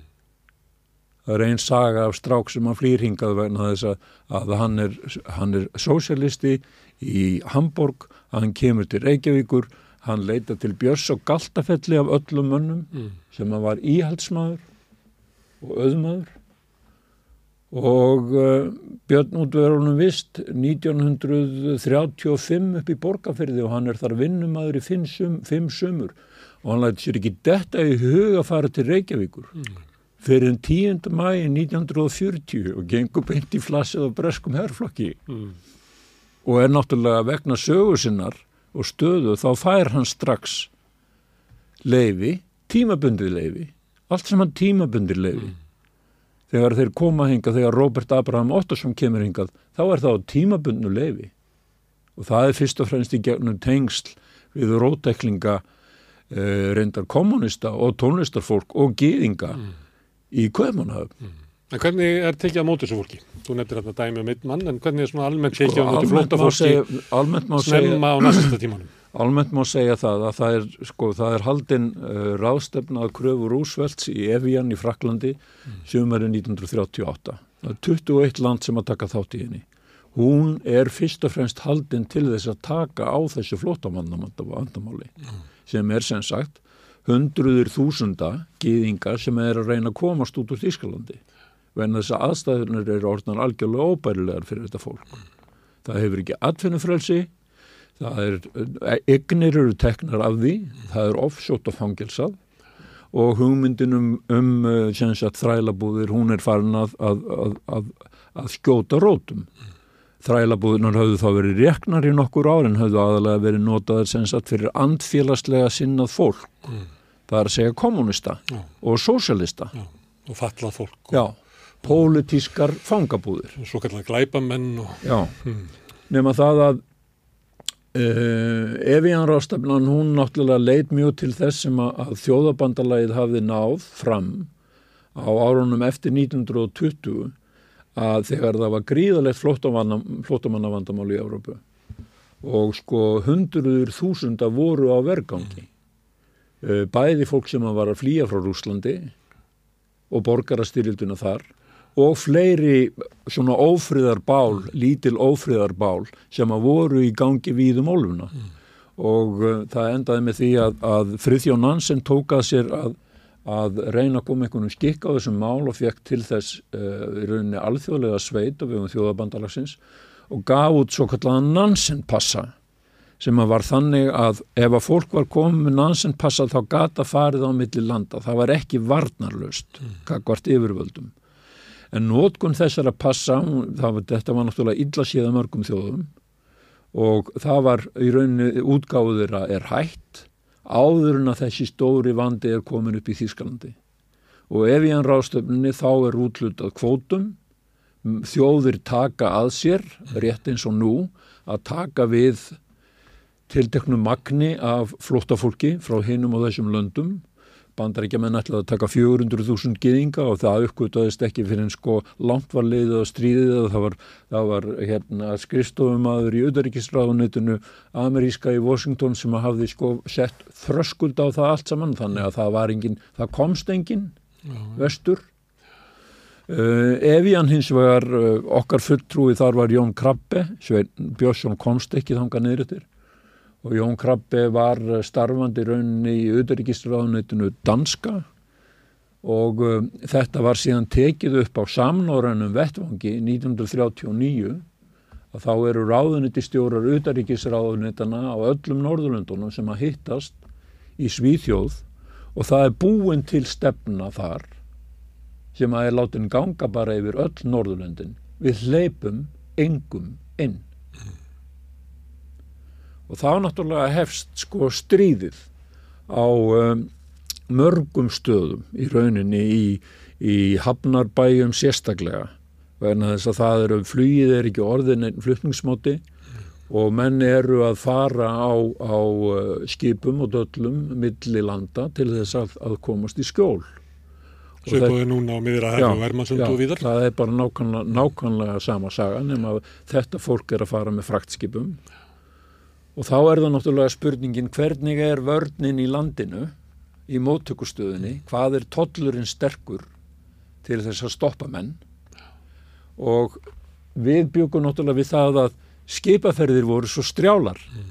þannig að þú gast ekki sendt mann samdægus eða dægin eftir, þú gast ekki sendt hann á landi. Þannig að hingað sapnast á hlópur af fólki uh, mest frá Þýskalandi. Mm og þýskumælandi héruðum alveg söðu til Tjekkoslovaki og niður til Ungverjalands. Mm. uh, fólki sem að, að uh, átti í rauninni ekkert skjól hafði sömt hvað einhverja kontakta inn í landið. Og uh, það gerist með mjög margt af því sem kemst inn og kemst í gegn að það er fyrst og fremst vegna þess að það er einhver íslenskur það er einhver, einhver, einhver maður sem að, að gengur fram fyrir skjöldu og segir ég ábyrgist þetta fólk ég skal vita því húsnaði, ég veiti því vinnu þið þurfuð ekki að hafa áhyggjur mm. og þetta er, fer algjörlega yfir á persónulegan level mm.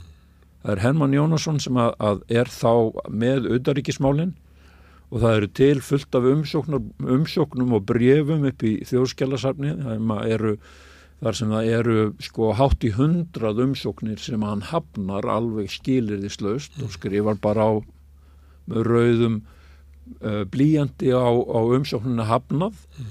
en svo náttúrulega fær hann á bakið á sér uh, einstaklinga uh, sérstaklega þá sem að störfuðu í fríðarfélaginu sem að hafði verið stopnað til þess að, að halda innanlands uppi hugssjónum og hugmyndum þjóðabandalagsins mm. Stefán Jóhann var formaður í því félagi, Guðlugur Rósenkrans var reytari og Arniður Sigurðardóttir varður í stjórn.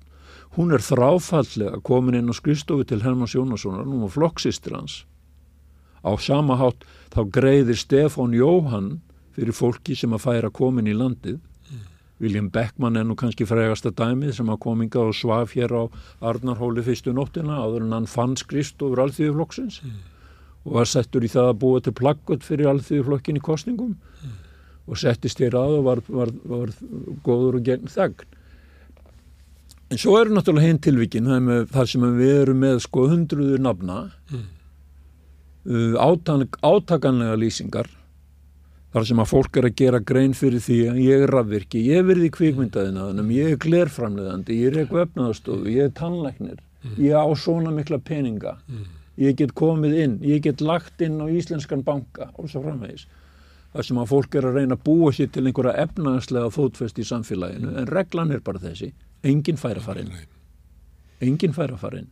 Og eina leiðin til þess að komast inn er að, að vera með tengstu ykkur íslendinga sem að fá jáið. Já. Þannig að allir sem eru á byggstofunni þeir fá bara automatíks nei Já. og eins og oft er reyndar í íslensku kerfi þá ég segja nú stundu bara hringdu beint í fremdæðin ekki vera á byggstofunni því það er alltaf nei. Kerfið virkar raunverulega soliðis og við vitum sko við höfum allir, allar þessar umsóknir sem eru til á þjóskjálasafnu en það er setna stig vegna þess að áður en að það gerist þá er búið að sækja til ræðismasins í viðkomandi landi. Við höfum ekkit aðgang að þeim gögnum. Þau eru okkur ekki bær. Þannig að við vitum í rauninni ekki hvort að við erum að tala um hundrað eða þúsund. Og svo getum við náttúrulega út frá bara eh, henni ótrúlegu veraldarvefs væðingu allra upplýsinga. Sérstaklega að hafa náttúrulega Jad Vasem í, í, hérna Jérúsalem og, og, sjó, og sjóastofnunin í, í, í bandaríkjónum þær eru bara með listana yfir alla sem hafa voru sendir sko. Og við getum bara séð, já þessi fór í treflinga, nei hún var drefin í Ásvits upp á dag. Mm. Þetta fólk sem hafa leitaði hæli í sér. Þannig að Íslensk stjórnvöld hefðu, ef ekki hefðu verið þessi rauði blíjandur í hendi ráðhrans, þá hefðu við getað bjargað þessu og líklega miklu fleirum. Já. Forsönduna fyrir því að Íslensk stjórnvöld ákveða að gera það ekki. Forsöndunar fyrir því að Íslensk stjórnvöld og reyndar stjórnvöld á öllum Norðurlöndunum taka þessa samílu ákverðun er að við erum enþá að, að kljást við atvinnuleysi. Uh, það er gríðarlega mikil uh, stór varnargarður sem stjættarfélagin hafa byggt. Gott dæmum það er er það að það er sko, það vantar sjúkurahús og akureyri mm. Og þar er Vilhelmur Þór ráðandi öllu í bæjarfélaginu og IKEA og hann unir því ekki. En hann fær enga hjúkurinn okkur til að vinna á akureyri. Þannig að hann náttúrulega tala bara við katholikkan og segir geti þið ekki út við okkur hjúgrunakonur eins og hafa verið að reyka franska spítalan og reyðarferði og landakoti Reykjavík, geti þið ekki fengið bara einhverjar útlendar til þess að koma hinga sem eru með hjúgrunamöntun og hvaða félag stendur mest gegn því? Félag hjúgrunakvenna á Íslandi alveg eins og það er að koma hinga til þess að, halda, til þess að hægt sé að halda upp í dansmúsika og veitingastöðunum þá er verið að flytja en, en erlenda tónlistamenn. Hvaða stjættarfélag stendur gegn því? Mm. Það er félag íslenskar hljónlistamanna mm. og svo framvegis. Þannig að það er við hugmyndum að, að innflytjendur ræni okkur störfunum. Já, það er einn það er ein bú ekki til störf heldur þess að störfin séu takk og öðlind og síðan sko ekki bara það. Þeir tækja líka frá okkur húsnaði við erum með nákvæmlega sömu aðstæður eins og voru 38, 39 og 40 það er húsnaðinskortur í Reykjavík. Hvað eru við að flytja einhver fólk sem að verður bara byrðu okkar samfélagi talar ekki okkar mál og tekur frá okkur bæði vinnuna og húsnaði mm. þannig að, að þar er þetta, er, er þetta fordæmi algjörlega uh, liggur ljóst fyrir.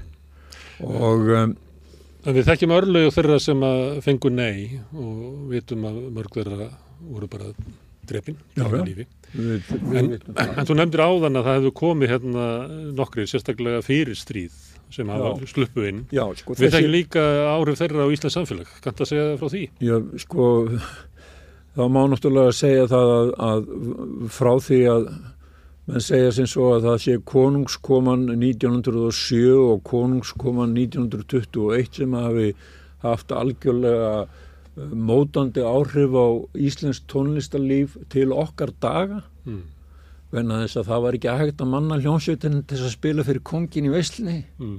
og það þurfti að flytja, kaupa sem sagt, lausa menn frá Þískalandi til þess að koma að fylla hljómsveitina mm og sama gerist fyrir alþingisháttuðuna 1930 að þá er Frans Miksa kominn til landsins og er farin að, að stjórna hljónstur Reykjavíkur og hann segir ég get ekki spila þessa músika til Pál Ísólfsson nema ég fái bara, við, við verðum að flytja inn menn Já.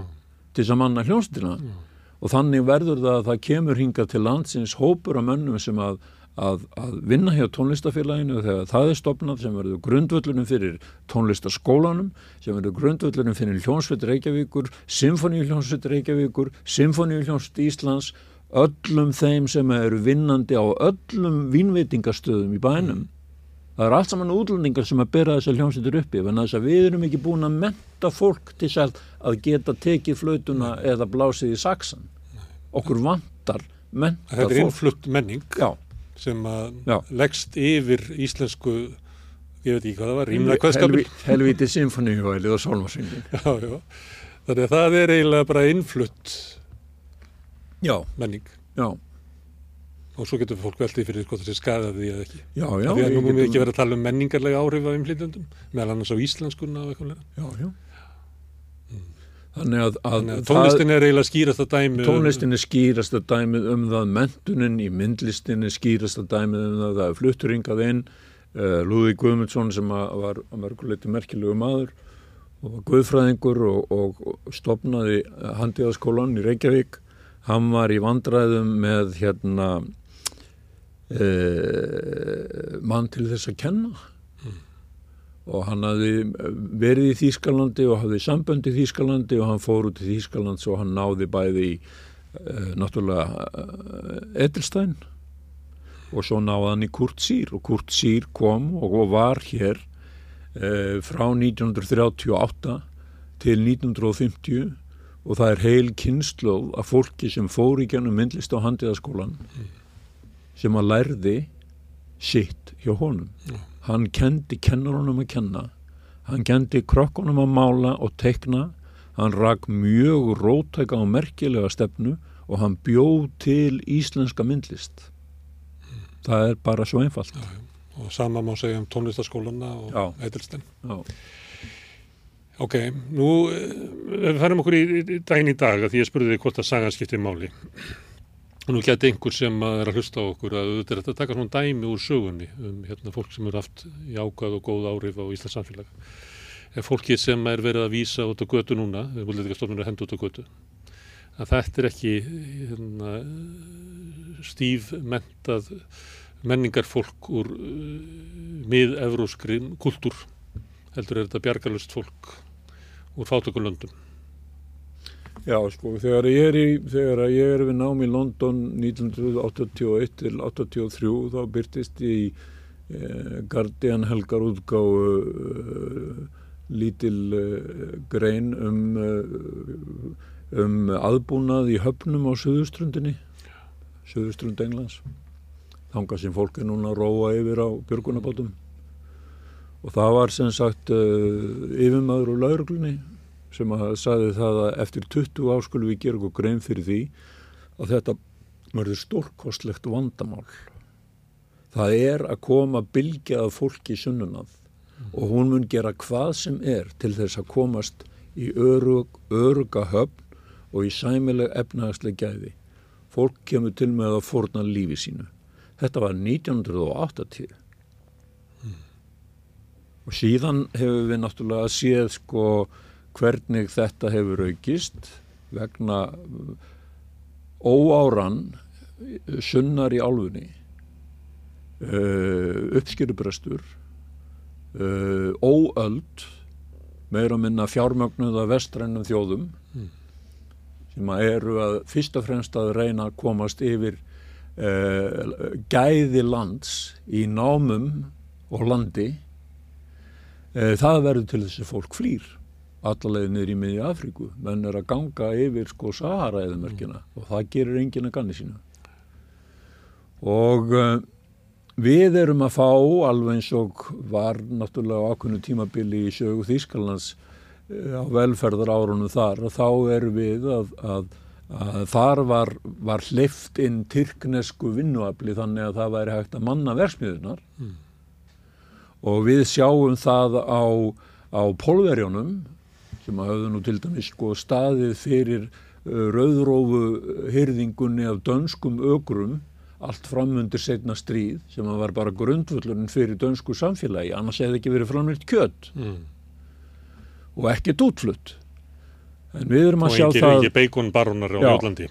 Við erum að sjá það að, að, að hingað er að koma fólk, það er, uh, ég held að það sé ekki til upplýsingar um það en við, vitum það að hluta því er hámentað, við vitum það að hluta því er ungt og ómentað og er bara með grunnmyndun og við vitum það að það einhver hluta því er alls ómentaður Mm. og það er að reyna að finna sér einhverja fórsundu fyrir að lifa og ná einhverju þroska í samfélagi sem er því vinnveitt. Og það er á ellihimilunum, það er á sjúkrahúsunum, það er að þrýfa. Það eru störf sem að okkar fólk telur sig ekki þurfa að vinna lengur, að þrýfa undan sér skítinn og fóreldrum sínum á ellihimilunum og hennum sjúku.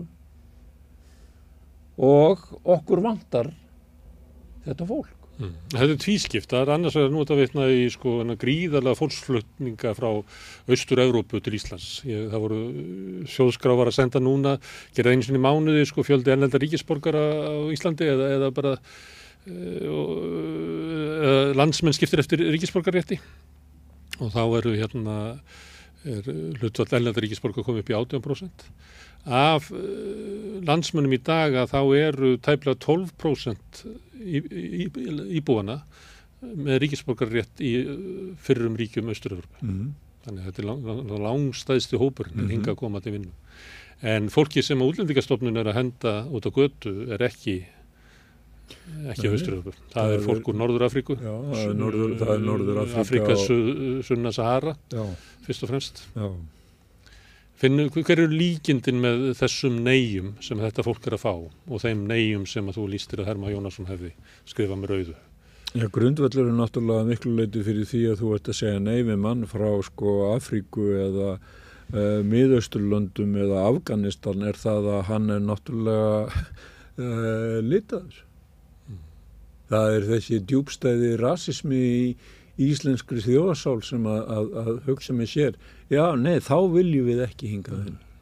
Heldur að það hafi spilað inn hjá Hermanni að, að stór hluti þeirra sem var sækjum Já, voru eina- geðingar sem eina- höfður umvel sömu stöðu á þessum árum og fólk frá Afríku hefur í dag í Európa. Það var litið á það sem fólk sem að væri ekki að fullkomnuleiti fólk. Sumir af þeim höfðu það, sumir af þeim voru alveg sínilega uh, sko, uh, lástjættar fólk, Mm. Uh, handverksmenn. Mm. Aðrir voru með uh, millistjættarstatus og það var jafnvel yfir í það að veru auðmenn sem að sóttu hingað um. Mm. Það er ágætis umsjón sem er skrifað á Ritz í París til dæmis, sem hann var ekki ódýrt hótel á þann tíma. En uh, ég held að, að uh, þessi kynþátta andúðar uh, partur af íslensku þjóðsálunni, hann til dæmis ræður því þegar að, að uh, Hermann gerir samningin við sendi herra bandaríkjana hér í höfninni. 1941 er rétt áður en að ski- herskipin koma með flotan að þá gerir hann samkomulega og það er fyrst og fremst þess að þjóna eh, opinskátt einum þingmanni framsónaflokksins um það að, að uh, það verði ekki þeldu ekki menn í, í, í varnanleginu. Og svo regla gildi. Súregla gildi áfram, hennin haldið áfram með ítalugum hætti strax 1951 þegar það eru sett verulegar, verulegar ferðat hamlanir á uh, setulismenn og þeir reyndar raunar bara lokaðir inn í stóri girðingu á miðniseiði og uh, ég held að haf, þetta, þetta sé bara það. Mm. Við erum í grunninn svo miklu rasistar sko. Mm. Það er búið að innræta okkur, innræta okkur það alveg og er ennþá að vera að segja okkur það að við séum best í heimi í stórasta landinu og allt það og við uh, náum heims árangri á þessu svið og hini sviði sem er bara svona þjóðrembu áróður sem að dynur á öllum og styrkir þá tilfinningu að hinga þeir enginn að koma. Nema borgi fyrir það sem túristu og sé með miða tilbaka. Nú er þetta sömuleiti þekkt saga að Íslandikar hafi neitað hérna, geðingum sem að hér letuðu skjóls frá ofsóknum um, um landvist. Finnst þér að, að stundum er sagt að þjóður þurfa að gera upp svona við sögur sína? Eh, finnst þér að við eigum að gera upp við þetta og viðurkenna að, eins og þú segir að, að þarna út af rasískur sjónamiðum að þá höfum við sendt fólk í opindauðan vegna þess að við gátum ekki flokka það sem fullgildar mannesku sem hættur rétt á, á Ég lífi og frelsi. Ég held að eina ástafanum fyrir því að það hafi ekki verið gert upp um, um árin þannig að rétt fyrir senni heimstýröldunum sé það að, að það var uh, notað í pólitískum uh, tilgangi bæði af sjósilistum og uh, uh, sjálftæðismönnum. Það var notað sem, sem hnútasvipa á Hermann Jónasson sérstaklega og var þá ekkert lítið til þess að hann satt í ríkistjótt með Ólafi Tórs, skilur það hendaði bara og það svo arfleð hefur lif, lifað áfram. Uh, þetta var uh, sameinlega pólitísk stefna allra flokka nema sósélistaflokksins og hann tók í rauninni ekki neina uh, verulega aktífa andstöðu gegn þessu ástandi fyrir en að það hendaði til einhvers uppblástus. Nei, Við getum eiginlega ekki bent á einn íslending sem að gerði það. Nei, ég held að þetta hafi verið uh, í raun og veru uh, mjög algengt viðhorf. Það naut stuðnings Já, megin frá almennings já. og ekki andstöðu Nei, sínilegrar nei. Nei. Mm. En það er öðru í sig núna. Nú er meiri anstæða við Já, stefnum já, sem- núna er anstæða komin og við erum náttúrulega komnir í, komnir í þessa skelvilegu klemmu sem að er vegna laga sem að fór í gegn með þingminu hluta. Já. Og við erum ennþá með sameiginlega einkenni eins og það að við viljum ekki fá fólk inn í landið og við viljum koma þau út úr landinu við fyrsta tækifæri. Við viljum ekki láta það fá aðstöðu til þess að vinna fyrir sér. Það fær ekki atvinnulega. Þannig að allir tálmannir eru settur upp sem að voru nákvæmlega sömu tálmannir sem að voru í gildi 1938. Þannig að þú fegst raunverulega ekki innkomin í landið Nei, og kennitalan eh, og dvalarlefið er líkillin að því, þú getur ekki leikt húsnæði, þú getur ekki unnið, nei. þú getur ekkert gert, þú getur ekki, þú ert eiginlega settur bara undir brúna. Já. Mm. það er pólitísk stefna Já. og, uh, Sem er svo sama og var. já. Og ég held í raun og veru það eru ekki fáanlega gögnum það. Uh, þau eru ekki til. En eftir að útlendinga, eftirli, útlendinga eftirlitið eins og hétt útlendinga eftirlitið sem var einn maður sem var starfandi hjá lauruglunni Reykjavík. Og um, að þá var það þannig að það voru fyrst og hreins tóllverðinni sem sáu til þess að fólki voru ekki lift inn og uh, einhver, einhver tíman sá ég kvót frá eldri tóllverði að uh, sem að var að fagna því að það var nú verið að setja einhverjar hamlur á það að fólk geti komið yngar til landsins Mm. þar sem að var að blessa uh, tóllarana í Keflavík fyrir það að, að hafa þegjandi og hljóðalöst séðum það að þessi vandi hefði ekki komið upp og orðið ofinber lungu, lungu fyrr og þá erum við að tala um árin fyrir 1950 og alveg til 1980. Þannig að ég hef grun um það að þetta hafi verið innan stjórnkerfisins Og óskrifaða reglur. óskrifaða reglur. Við hleypum ekki fólki hingað inn. Nei, og allra síst fólk sem er öðru í svo litin eða Já, eða, eða þú veist, er deildum. gýðinglen upp eða eru með bóið nef. Herðu að því ég er nú að fá þig til þess að rifja upp söguna að nú er talað um skaðsemi hérna innflytenda Hallvin og hlera, ég endur þetta við Helen Ólafsdóttur hérna í gær þar sem hún hrakti nú mikið af þessum hugmyndum um að það væri verið að taka hérna, vinnu frá almenningi eða uh, og mikill kostnaður, við ættum ekki efna þessu svona þessar efnaðslugu fórsetur en kanntu að finna eitthvað stær í sögunni að þú fórst nú alveg hérna, til landamsaldar